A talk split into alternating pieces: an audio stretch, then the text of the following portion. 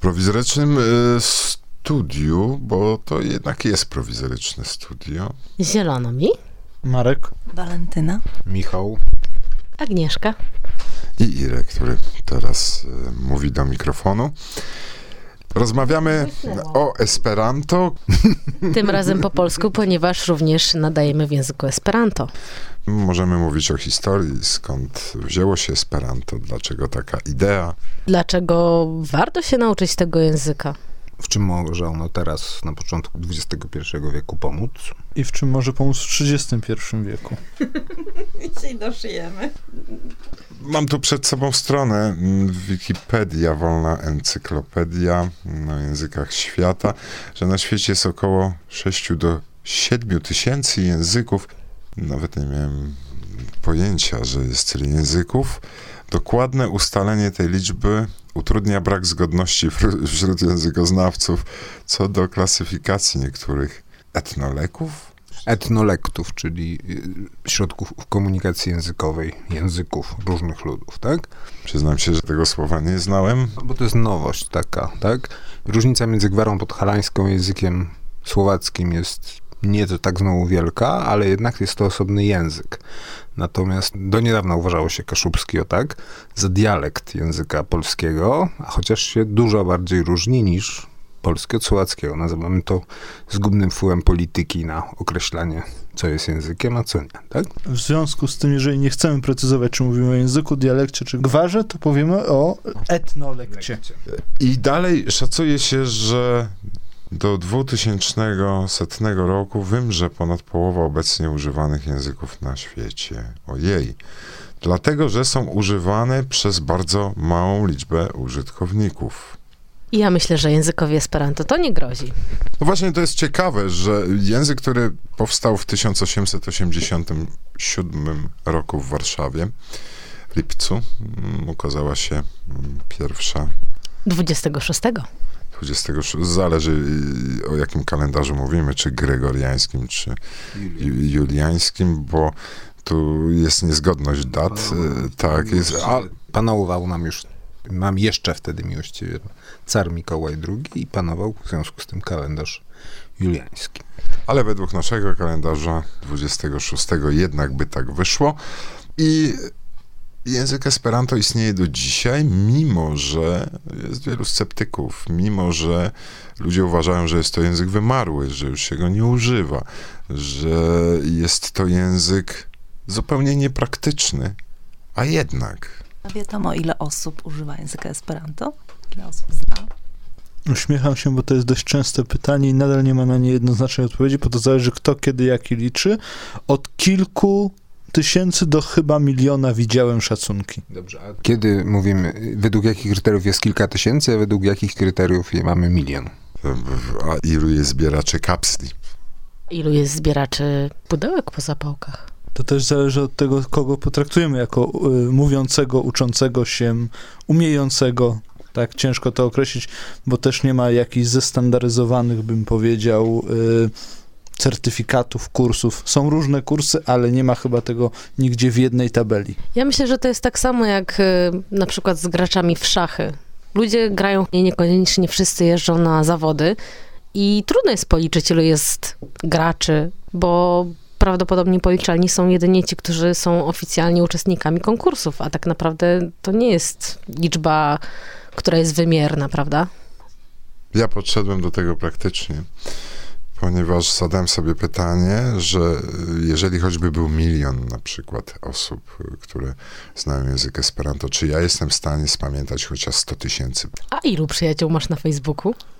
No jest ich około 3000, z czego znam prawie wszystkich. Lecz już mam problem, ponieważ dużo ludzi znam z imprez i nie jestem w stanie przypomnieć sobie imion. Już nie mówię o nazwiskach, bo to jest niemożliwe. A to tylko dlatego, że już za duże jest to medium i nie mam relacji z tymi ludźmi ponad to, że tam z nimi piwo wypiję, czy, czy tam widzę ich, nie? Co ty sobie tu na karteczce wynotowałaś? Wynotowałam sobie, dlaczego ja się zainteresowałam Esperantem, bo w zasadzie jest mnóstwo języków. Jest angielski do komunikacji, którym mówi cały świat, Poza Francją. poza Francją. Cały świat go bardzo i na różne sposoby kaleczy i to jest jego największa wada. No właśnie, po pierwsze, że go kaleczy, po drugie, że niby wszyscy umiemy mówić po angielsku, ale jednak y, gdy przychodzi co do czego, to okazuje się, że jednak nie bardzo umiemy mówić w tym języku. A do nauki języka Esperanto każdy, nieważne w jakiej części świata się urodził, każdy musi włożyć tą samą pracę, żeby go poznać, ponieważ to jest język, który nie ma narodu, nie ma esperancji, nie ma takiego kraju, gdzie się ludzie rodzą i uczą się tego języka jak polskiego, francuskiego czy ang- angielskiego od urodzenia. I to jest, jeżeli ja popełnię jakiś błąd, chociażby gramatyczny w tym języku, ponieważ jest, ponieważ ponieważ się go dopiero uczę, albo y, jeszcze nie poznałam na tyle tego języka, żeby go używać perfekcyjnie, to nikt mi nie wypomni, że ja jestem jakimś y, tłumokiem, albo że nie nauczyłam się, będzie mnie traktował jako gorszą, bo on też musiał włożyć tą samą pracę, żeby poznać ten język. I to jest właśnie fajne, że ja się czuję równa z innymi. Nieważne skąd ta osoba pochodzi, czy, czy z RPA, czy z Australii, z Brazylii, czy ze Stanów, czy z, z Francji.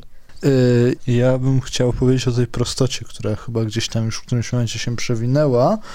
I wydaje mi się, że dość dobrym przykładem na tą prostotę jest z pewnego tekstu, którego namiary potem, ewentualnie w jakichś notatkach, y, gdzie człowiek dla przykładu y, zebrał słowa dotyczące lamy. Najpierw w Esperanto, potem po angielsku i deklaruje, że mimo, że jest ym, rodzimym użytkownikiem angielskiego z trzema dyplomami studiów wyższych, zrobienie tabeli esperanckiej było dla niego zadaniem prostszym, a zrobienie tej samej tabeli po angielsku wymagało zajrzenia do słownika. No i chyba tyle, bo za dużo nie będziemy y, prasowali dzisiaj. Do wyboru mamy różne tematy, na które będziemy mogli rozmawiać i o historii, i o idei, i o praktycznym wykorzystaniu tego wynalazku, który się nazywa Esperanto i o tym, y, dlaczego ludzie się go uczą, y, co z tym językiem się robi, o tym, że ma literaturę, że jest teatr, że Że ma kulturę. Nie tylko literaturę. tak, i że y, wytworzyła się jakby subkultura esperantystów tak przez lata. Tak, są muzycy, są, byli przynajmniej do pewnego czasu satano, i, czyli socjaliści. Skojarzenie. dalej. Są dalej, satan jest, satani są wieczni, tak? I podobnie mamy, nie wiem, miłośników tańców, takich etnicznych z całego świata, tak? Ludowych, lokalnych. Sam tańczyłem, tak? Sam tańczyłem ze szwe- szwedzkiej akurat tańczyłem, tak?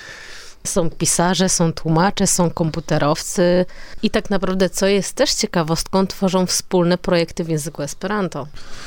Y, O czym chcielibyście posłuchać y, w następnym wejściu naszym? O tym opowiemy, nie? Marek, podsumuj to jakoś, bo ty, tobie mądrze z oczu patrzy.